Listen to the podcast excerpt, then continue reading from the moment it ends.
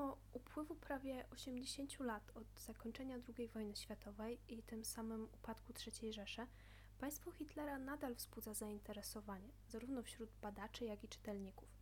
Na rynku wydawniczym odnaleźć można niezliczoną liczbę tytułów poświęconych historii Niemiec z lat 1933-1945, ale cechą charakterystyczną wielu z nich są bardzo chwytliwe tytuły. Zdarza się również, że książki, szczególnie te, które nie są napisane przez historyków, powielają dziwne schematy, nie zawierają wyjaśnień, brakuje im przypisów, naukowej redakcji albo oparte są na wątpliwych źródłach. Zarówno o tym, jak i o niedawno wydanej książce Jak wychować nazistę, reporterz o fanatycznej edukacji, opowiem Wam w dzisiejszym odcinku. Na początek przyjrzyjmy się bliżej postaci autora książki Jak wychować nazistę. No i tutaj od razu powiem, że nie wiadomo o nim za dużo. Wiemy, że Gregor Zimmer urodził się w 1899 roku w stanie Michigan. W 1922 ukończył filologię angielską na Uniwersytecie Illinois w Urbanie i Champaign, a w latach 1928-1939 mieszkał w Niemczech, gdzie pracował jako dyrektor amerykańskiej szkoły w Berlinie. Była to placówka, w której edukację odbywały głównie dzieci mieszkających w Niemczech amerykańskich urzędników i biznesmenów. W ostatnich miesiącach swojego pobytu Zimmer postanowił bliżej przyjrzeć się nazistowskiemu systemowi edukacji, a na podstawie swoich spostrzeżeń oraz rozmów z przedstawicielami i członkami różnorodnych instytucji napisał książkę, która pierwotnie ukazała się w roku 1941. W tym momencie musimy zwrócić uwagę na dwie rzeczy. Pierwsza to taka, że autor opisywał ówczesne, znane sobie realia, które jednak różniły się od tego, co wiemy obecnie. Na przestrzeni tych prawie 80 lat badacze odkryli wiele nowych rzeczy, wiele kwestii zostało wyjaśnionych, wiele źródeł także się pojawiło, więc y, nie możemy mieć zarzutu do autora, że jego narracja, nie wiem, jest niepełna albo czasami wręcz niezgodna ze stanem faktycznym, o czym y, później Wam powiem.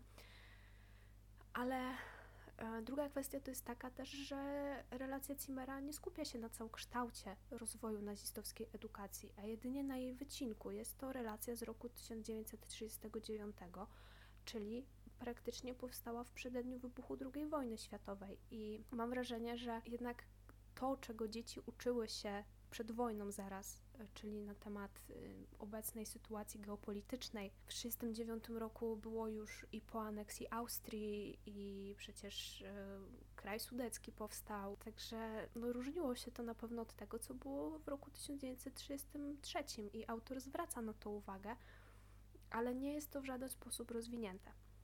Natomiast nie autor i jego relacja są jakby źródłem mojej krytyki, a raczej wydanie tej książki.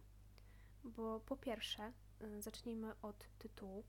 W oryginale y, tytuł książki brzmi Education for Death, czyli edukacja dla śmierci. I jak słyszycie, nie ma tam ani słowa o nazizmie. I oczywiście zdaję sobie sprawę z tego, że chwytliwy tytuł to większa sprzedaż, ale niestety tendencje wydawnictw do sensacyjnej otoczki książek o III Rzeszy są naprawdę przerażające chwilami. O tym jeszcze powiem na koniec, jak już przyjrzę się w całości tej książce. Druga kwestia to estetyka, czyli czerwona okładka z białymi napisami, biało-czarnymi elementami, które no, słusznie kojarzą się z symboliką nazistowską.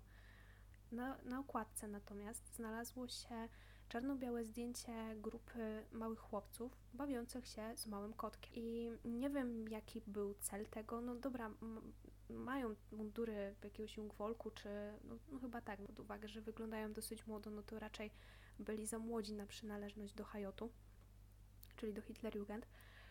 Ale moim zdaniem jest to wstawione głównie dla pokazania kontrastu, czyli wzbudzenia jakiegoś przerażenia w czytelniku, że tutaj wychowywanie nazisty, a tu są tacy mali, niewinni chłopcy, którzy tak naprawdę to nie mają ochoty ginąć za Hitlera, tylko bawić się właśnie, jakoś spędzać czas w przyjemny sposób.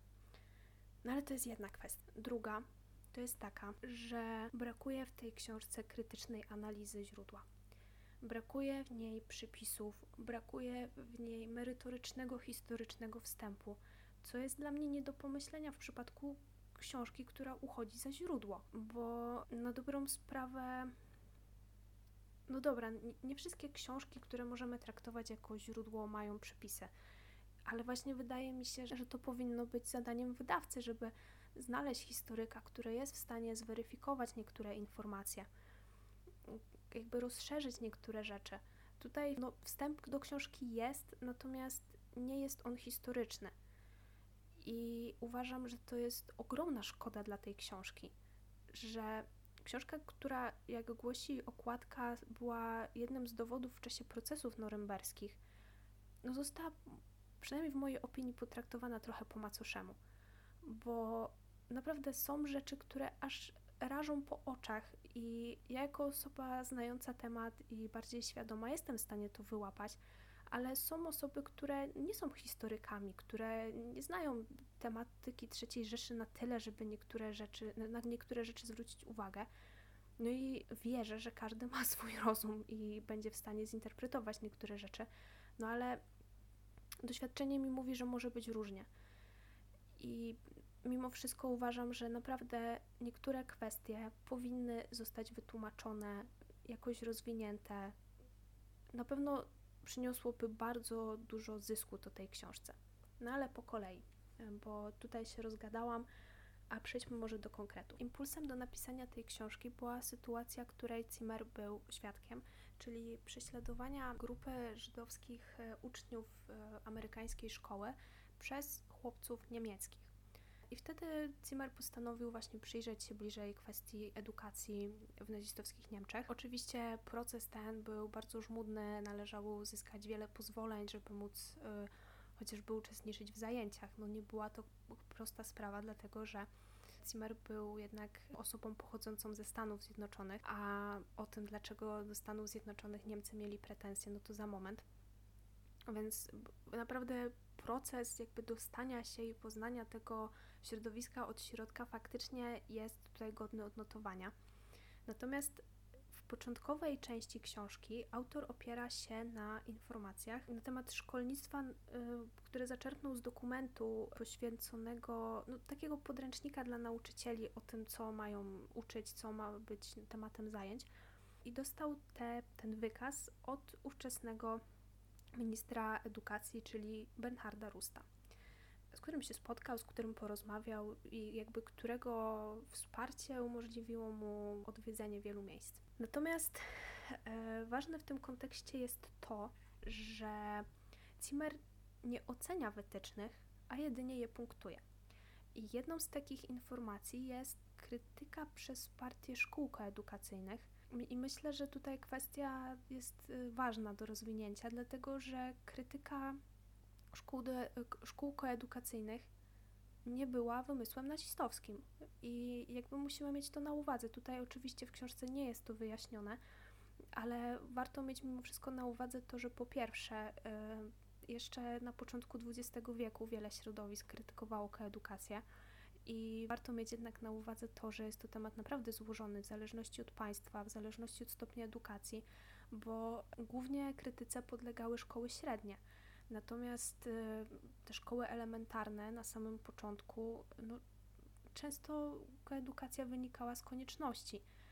Inaczej znowu ma się kwestia w szkołach y, wyższych, gdzie jakby w ogóle pomijając kwestię edukacji kobiet, która w ówczesnych y, Cimerowi czasach była raczej dosyć młoda, była to młoda kwestia i nie tylko w Niemczech, ale również w Stanach Zjednoczonych. Natomiast tutaj autor już na to nie zwraca uwagi. Więc myślę, że no, wyjaśnianie chociażby takich rzeczy, bo później pojawiają się właśnie powielane schematy na temat na przykład, nie wiem, akcji T4 albo ogólnie eugeniki yy, i można z takich narracji wyczytać, że to wszystko naziści zrobili, co nie jest prawdą. I jakby ideologia nazistowska jest zlepkiem różnych innych ideologii, różnych innych pomysłów, które zostały ukształtowane na, e, na przestrzeni wieków. I pisanie takich rzeczy, no, no może autor napisał tak z jakiegoś powodu. Natomiast y, niewyjaśnianie tego, no mam wrażenie, ma bardzo, może przynieść bardzo dużo szkody. Kolejna kwestia to jest taka, że wiele informacji ukazanych przez autora jest pokazanych z perspektywy wypowiedzi osób, które związane były w jakiś sposób z kręgiem władzy. I oczywiste wydaje się więc, że głosili oni swoje nazistowskie przekonania i w żaden sposób autor się do tego nie odnosi, nie komentuje, nie dopytuje. Przynajmniej nie jest to y, jakby zawarte w relacji. Nie wiem, może się dopytywał, ale no w tej relacji tego tutaj nie ma. Nie poddaje tych słów w analizie w żaden sposób. I na przykład jedna z takich kwestii jest to, że na stronie 48 pojawiło się stwierdzenie, że młode osoby, młode, młoda para e, radośnie poddawała się badaniom. I dla mnie jest to dziwne bo ogólnie e, jednym z takich przepisów nazistowskich dotyczących zawierania małżeństw było pokazywanie jakby aktu e, urodzenia. I nie pamiętam dokładnie, ale wydaje mi się, że gdzieś do XIX wieku to w ogóle, czy, czy nawet do XVIII wieku sięgało jakby genealogicznie, dlatego że należało udowodnić, że po prostu przodkowie nie byli Żydami e, albo nie mieli żadnych chorób, na przykład dziedzicznych i potrzebne były takie badania. Z tego co wiem, to nie wszyscy chyba się temu poddawali, ale mogę się mylić. E, natomiast nie sądzę, żeby ludzie radośnie się tak e, poddawali tym badaniom. Więc jakby to też jest jawnie propagandowe sformułowanie, jak dla mnie.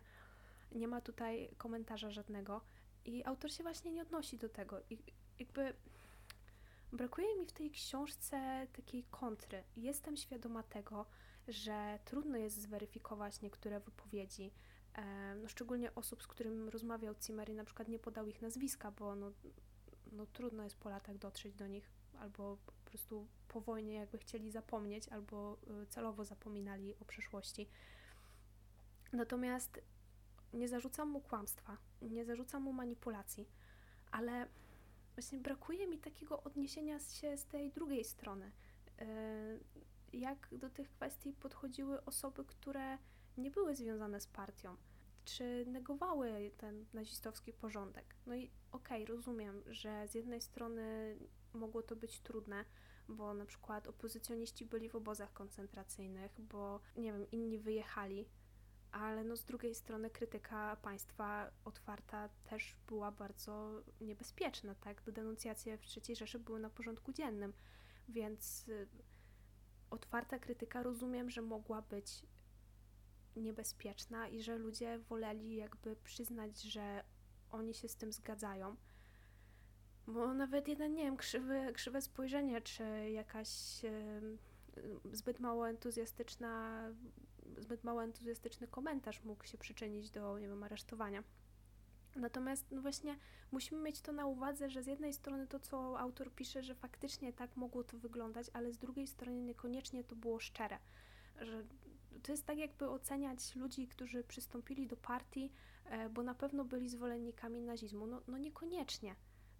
Niekiedy wstępowali do partii po prostu z czystego oportunizmu, a niekiedy wstępowali dla świętego spokoju, bo na przykład, nie wiem, wiązało się to po prostu z tym, że mieli pracę, że mieli spokój. I tutaj w tej książce też jest przykład rodzica, który nie był w partii i którego syn e, nastoletni, nie pamiętam, 11-letni chyba, albo 13-letni, e, chciał popełnić samobójstwo, bo z racji tego, że ojciec nie był zaangażowany w działanie partii, e, ten młody nie mógł awansować w swoich strukturach, więc ojciec dla świętego spokoju wstąpił do tej partii, żeby chociaż to dziecko miało lepiej.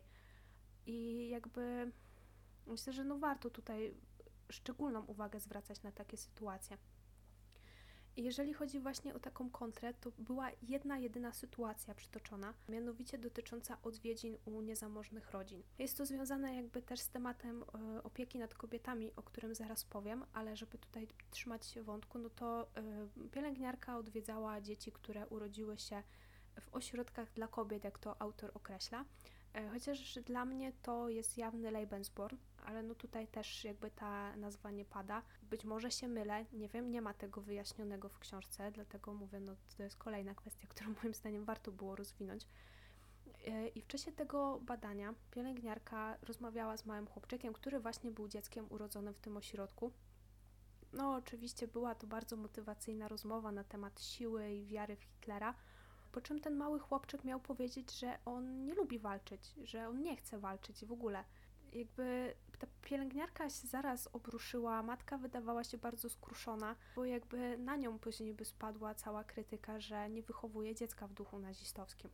Więc jakby tutaj ta jedna taka sytuacja może faktycznie pokazuje, że coś takiego miało miejsce, ale mimo wszystko i tak mam wrażenie, że za mało jest to w książce y, uwydatnione. Druga kwestia, która bardzo mnie zaciekawiła, to mianowicie opis sytuacji kobiet, właśnie między innymi w tych wspomnianych ośrodkach. Autor odwiedzając y, właśnie takie miejsce, w którym ciężarne kobiety odpoczywały, były poddawane różnym wykładom ideologicznym, bardzo zainteresowały się jakby osobą autora, no tym bardziej, że był to mężczyzna z Ameryki. I kobiety te miały nagle stwierdzić, że, że amerykańskie kobiety pracują w biurach i jakby to jest dla nich niewyobrażalne, że kobieta ma iść do pracy. No i tutaj musimy się na moment zatrzymać, bo po pierwsze, wnioskuję, że skoro w 1939 roku te kobiety były w ciąży, to musiały przyjść na świat w Republice Weimarskiej albo nawet i wcześniej. Więc jest to dla mnie bardzo dziwne, dlatego że w Republice Weimarskiej kobiety pracowały i biorąc pod uwagę, że właśnie te rozmówczynie były w ciąży, to albo one same, albo przynajmniej ich matki doświadczyły tej pracy zarobkowej, ale i tak jest to dla mnie dziwne, bo w III Rzeszy kobiety również pracowały i to również na stanowiskach sekretarek, pracowały w biurach jako stenotypistki, bo były to zawody uznawane za typowo kobiece, więc jakby też takie bezrefleksyjne przekazanie tych słów i brak żadnego komentarza, no jest moim zdaniem troszeczkę niepoważne, bo potem tworzą się właśnie kolejne stereotypy, że kobiety w III Rzeszy to tylko siedziały w domach i, i tylko rodziły dzieci, no co nie było do końca prawdą, no tym bardziej, że y, od 1936 roku było duże parcie na to, żeby kobiety pracowały głównie w zakładach zbrojeniowych. Oczywiście musiały łączyć to z wychowywaniem dzieci, ale jednak to nie było tak, że praca kobiet w III Rzeszy nie istniała. No i warto to mimo wszystko mieć na uwadze. Kolejna kwestia, która również wydaje mi się ciekawa i która jest warta uwagi, to to, że dosyć w bezrefleksyjny sposób y, Zimmer przytacza te informacje na temat nazistowskiej edukacji, natomiast gdy dochodzi do krytyki Stanów Zjednoczonych, no autor tutaj już nie pozostaje obojętny. I widać było, znaczy widać, no w sensie czytając tą książkę wyczułam takie oburzenie w momencie, kiedy jeden z nauczycieli w szkole krytykował Stany Zjednoczone za udział w I wojnie światowej, tłumacząc, że przystąpiły do wojny, by się by zarobić, tak, by się wzbogacić. Więc jest to takie widać ciekawe, że kiedy dotyczy to Niemiec i pokazania, jak strasznie tam w ogóle wszyscy byli zindoktrynowani, nagle w przypadku Stanów Zjednoczonych autor się oburza. I no, jest to dziwne. Ale jeżeli chodzi jeszcze o tą, tą krytykę reżimu nazistowskiego, to jeszcze do tego za moment wrócę. Moment, w którym autor, e, jeżeli się nie mylę, to była strona 98, e, stwierdza, że wcześniej, przed Hitlerem, Niemcy mieli szczery szacunek dla Stanów Zjednoczonych. No i nie wiem, czy wszyscy Niemcy ze starszego pokolenia patrzyli na Stany Zjednoczone, jak tutaj autor cytuje, jak na naród kuzynów. No i okej, okay, nie do zaprzeczenia jest kwestia taka, że emigracja niemiecka do USA ma bardzo wiekową tradycję, bo jeżeli się nie mylę, to XVII wiek, e, a w latach z tego tego, co udało mi się znaleźć, w latach 1820-1920 do Stanów wyemigrowało około 5,5 e, miliona osób, no głównie w celach zarobkowych. Więc no jakby no faktycznie no było tam sporo Niemców i jakby to nie ulega wątpliwości, natomiast no ja nie wiem, czy aż takie serdeczne były te relacje, no tym bardziej właśnie biorąc pod uwagę, że po I wojnie światowej po podpisaniu traktatu wersalskiego raczej nie pałano sympatią do Stanów Zjednoczonych, aż taką wielką, jak się chyba autorowi wydaje. No ale już pomijając to. Ogólnie bardzo w tego typu publikacjach, w ogóle w książkach historycznych, drażni mnie nadużywanie słów nikt, każdy, wszyscy. Jakby no jest to trochę nie na miejscu. I właśnie jedna z takich kwestii została tutaj też w tej książce poruszona. Mianowicie na stronie 163 pojawił się, pojawiło się sformułowanie, że dla każdej niemieckiej dziewczyny wstąpienie do BDM było rzeczą najważniejszą. No, na 178 jest to już troszeczkę bardziej skorygowane, bo prawie każda dziewczyna należy do BDM. Te, te które nie były, traktowano jak e, wrogów państwa. No i tutaj jest znowu kolejna rzecz, która nie została wyjaśniona i uważam, że powinno jednak się na to zwrócić uwagę, że od 1938 roku była konieczność zapisywania dzieci do BDM czy, czy do Hajotu, bo takie było rozporządzenie. Natomiast y, po pierwsze, często było tak, że nawet osoby, które nie były jakby przekonane do ideologii nazistowskiej, zapisywały swoje dzieci do tych związków, właśnie najczęściej dla świętego spokoju, żeby nie były prześladowane, żeby nie odstawały od grupy. Ale to, że ktoś był w BDM-ie, to nie znaczy, czy, czy w Hitlerjugend, to nie znaczy, że nagle był y, jakby zwolennikiem tej ideologii, że po prostu często chodzono tam, tak jak już powiedziałam, żeby mieć spokój. I istnieją książki, w których można przeczytać, że na przykład osoby, które były bardzo wierzące, musiały zapisać się do BDM-u i mimo wszystko uczestniczyli na przykład w tych spotkaniach, chodzili na, na jakieś e, zbiórki, uczestniczyli w wyjazdach, ale mimo wszystko w głębi serca wyznawali jednak swoją wiarę, a nie to, co przekazywano im na spotkaniach. I tutaj też jakby jest to tak napisane, jakby każdy, kto, każde dziecko, które było w strukturach nazistowskich, już było nazistą. No nie. Uważam, że trzeba to bardzo często podkreślać. Teraz kolejna rzecz która już chyba przelała moją czarę, czarę goryczy, jeżeli chodzi o tą książkę, czyli wspomnienie sztuki zdegenerowanej, sztuki wynaturzonej, jakkolwiek to nazwiemy. Autor stwierdził, że była to sztuka zakazana dlatego, że twórcy byli Żydami. Co jest totalną bzdurą. Czy może część faktycznie była, ale jakby sztuce zdegenerowanej nie chodziło o to, że ktoś jest Żydem czy nie, tylko po prostu sztuką zdegenerowaną czy, czy sztuką wynaturzoną określano sztukę inną niż ta, która była oficjalnie uznana przez nazistów. Czyli na przykład krytykowano, nie wiem, surrealizm, ekspresjonizm, dadaizm, kubizm. Dzieła Pabla Picassa uchodziły za sztukę wynaturzoną. No, z tego, co się orientuję, to Pablo Picasso nie był Żydem. Salvador Dali też nie i też jednak ten surrealizm był, e, był zakazany. Rozumiem, że może autor miał takie informacje, ale żeby w, w czasie wydawania książki tego nie sprostować, no to dla mnie to już jest naprawdę nie do pojęcia. I myślę, że jest jeszcze sporo takich rzeczy, e, która no, wymaga sprostowania i która e, warto by było jednak się temu bardziej przyjrzeć, więcej czasu w ogóle poświęcić tej książce. No ale to są takie rzeczy, które. A dobra, nie, nie jeszcze to nie są wszystkie rzeczy, które najbardziej mnie w tej książce zaszokowały, a mianowicie pod koniec książki autor chwali amerykański system edukacji. Uważa, że jest idealny, wspaniały i właśnie jak tylko zobaczyłam zapowiedź tej książki, to trochę się tego obawiałam i to jest też związane z tym, co już wspominałam wcześniej, czyli propagandowym ukazaniem propagandy narodowych socjalistów.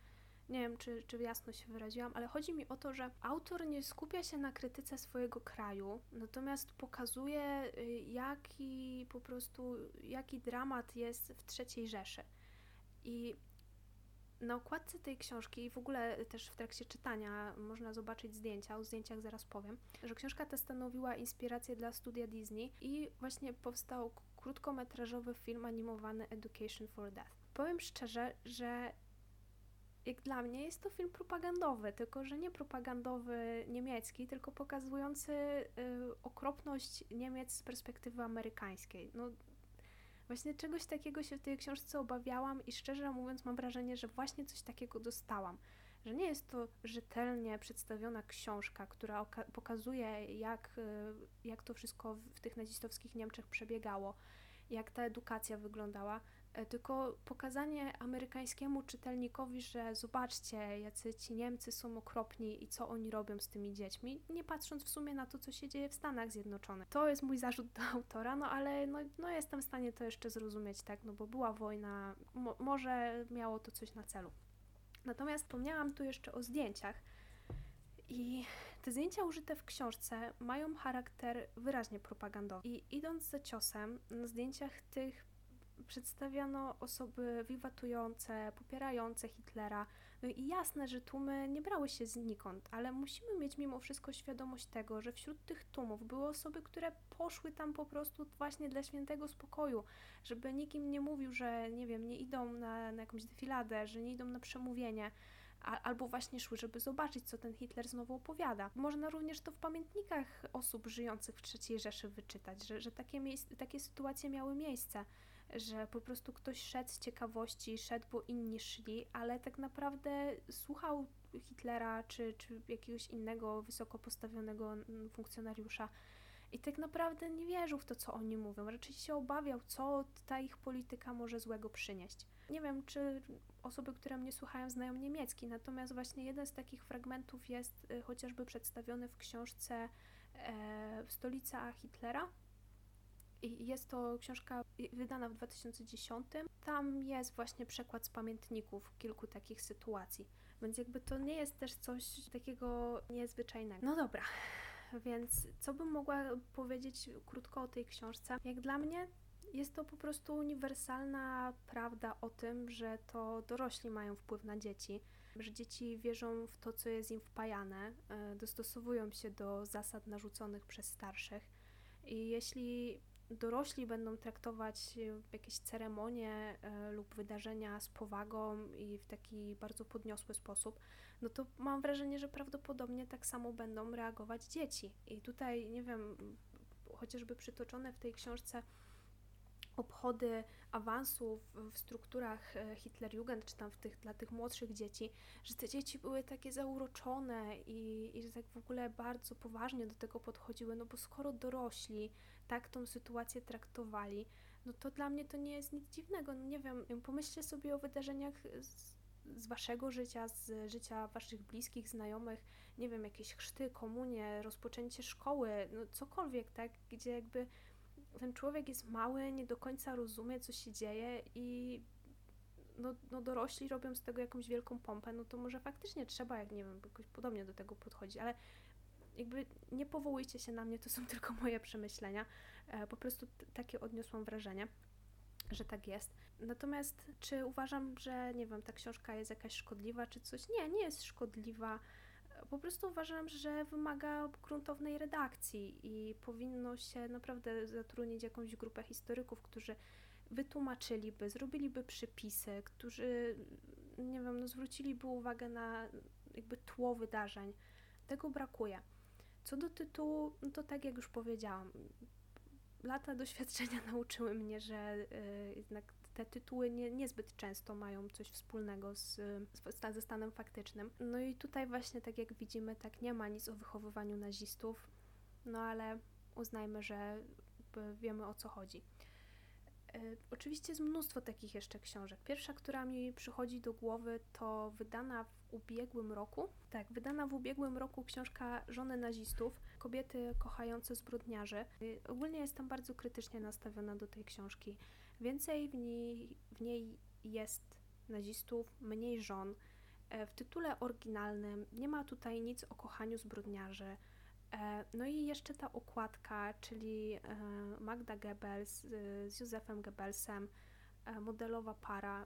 Zresztą, jeżeli obserwujecie mojego Instagrama, to właśnie gdzieś tak rok temu mniej więcej bardzo się doczepiłam do, do tego więc może się nie będę powtarzała. Inną książką, która też przychodzi mi na myśl, jest y, wydana w roku 2015 książka Weźmiemy ze sobą dzieci ostatnie lata życia rodziny Goebbelsów. Jakby, no rozumiem, że tytuł jest nawiązaniem do, do tej tragicznej sytuacji tych dzieci y, Goebbelsów. Natomiast w oryginale nie ma nic o braniu dzieci jeśli miałabym tak z niemieckiego takie wolne tłumaczenie zrobić, to jest to dzieci e, ministra Rzeszy, e, wspomnienia opiekunki w rodzinie Goebbelsów w latach 1943-45. No i dobra, ja nie jestem tłumaczem. Akurat może to jest ciekawy temat, biorąc pod uwagę, że dzisiaj mamy Dzień Tłumacza. Ale wydaje mi się, że w przypadku takich książek, gdzie no tematyka III Rzeszy jest naprawdę bardzo jakaś taka kusząca dla ludzi i im więcej smaczków, tym jakby więcej ludzi o tym czytają, więc no ta książka jest no no taka przeciętna, no nie jest to jakaś super y, wybitna y, pozycja, ale mimo wszystko no, no ten tytuł jakoś mnie tak troszeczkę odpycha. Nie wiem, no zastanawiam się właśnie nad, nad sensem tego. No, no dobra, no może faktycznie tu chodzi o to, żeby ten tytuł był jak najbardziej kuszący, ale jakby już może zostawmy te tytuły w spokoju, nawet jeżeli patrzymy na osoby, które wydały te książki. Weźmiemy ze sobą dzieci, wydała pani, która doktoryzowała się na Wyższej Szkole Filmu i Telewizji w Poczdamie. Autor żon nazistów też y, nie jest historykiem, więc nie wiem, no ja uważam, że to jest y, bardzo duży problem, że jest wiele wartościowych książek na temat III Rzeszy. E, może niektóre już co prawda po latach się troszeczkę jakby mm, no, zdezaktualizowały, ale mimo wszystko to są warte przeczytania pozycje, które naprawdę odpowiadają na wiele nurtujących pytań. Może nie na wszystkie, ale jednak na, na większą część. I o tych książkach się nie mówi, bo albo są za grube, albo są zbyt naukowe. No ale wydaje mi się, że no jakby, nie wiem, może się mylę i może tak e, patrzę na to, na ten problem właśnie głównie z perspektywy tego, że sama się trzecią Rzeszą zajmuję i jakoś ten temat szczególnie mnie drażni, jeżeli takie rzeczy się pojawiają, ale nie, nie wiem, nie, nie wydaje mi się, że inna epoka e, historyczna, no może poza średniowieczem, ale to, to też tak e, nie, nie wypowiem się do końca, e, że nie ma jakiegoś e, takiego parcia na sensacje, na jakieś, nie wiem, dziwne treści, a właśnie druga wojna e, i trzecia Rzesza to są tematy, które mi naprawdę, jak już widzę kolejną książkę, to już autentycznie zastanawiam się, co to znowu będzie. Już w ogóle nie będę wspominała nawet może na temat e, wszystkich powieści, których akcja rozgrywa się w obozach, jakichś romansach, bo już naprawdę to jest bardzo niesmaczne i jakby denerwuje mnie też to, że ludzie czytając takie książki nagle uważają, że czerpią z nich wiedzę jakby nie zabraniam nikomu nic czytać, ale chodzi mi po prostu o to, że jakby są bardzo dobre źródła informacji e, na temat e, III Rzeszy, ale no właśnie nie są one popularne, bo albo nie mają chwytliwych tytułów, albo ukazały się już bardzo dawno temu, albo są za bardzo naukowe i, i to jest jakby problem. Wydaje mi się, że właśnie jeżeli chodzi o, o takie tematy, no to głównie powinniśmy opierać się na naukowych autorytetach. No ale Niestety, jest jak jest. Jestem ciekawa Waszego zdania na temat tych moich zarzutów. Czy uważacie, że słusznie e, się czepiam, czy może z czymś przesadzam? Może macie jakieś ciekawe przemyślenia na temat tytułów e, i właśnie tłumaczeń? E, jeżeli tak, to standardowo zapraszam do wypowiadania się pod postem na Instagramie. Link będzie w opisie do tego odcinka. I oczywiście, jeżeli chcecie, to możecie też pisać na grupce na, na Facebooku. Ona tam sobie jest. Na razie widziałam, że nie ma żadnych członków, ale w razie co, jak ktoś chce dołączyć, to zapraszam. Mam nadzieję, że Wam się podobało. Odcinek będzie dosyć długi, mam wrażenie, ale no, musiałam z siebie wyrzucić te wszystkie jakieś zarzuty i zastanawiam się, jak Wy się do tego odnosicie, bo mam wrażenie, że jest to temat, o którym można mówić i mówić i mówić. Jestem bardzo ciekawa Waszego punktu widzenia. Bardzo dziękuję Wam za wysłuchanie tego odcinka. Mam nadzieję, że Was nie zanudziłam i do usłyszenia następnym razem.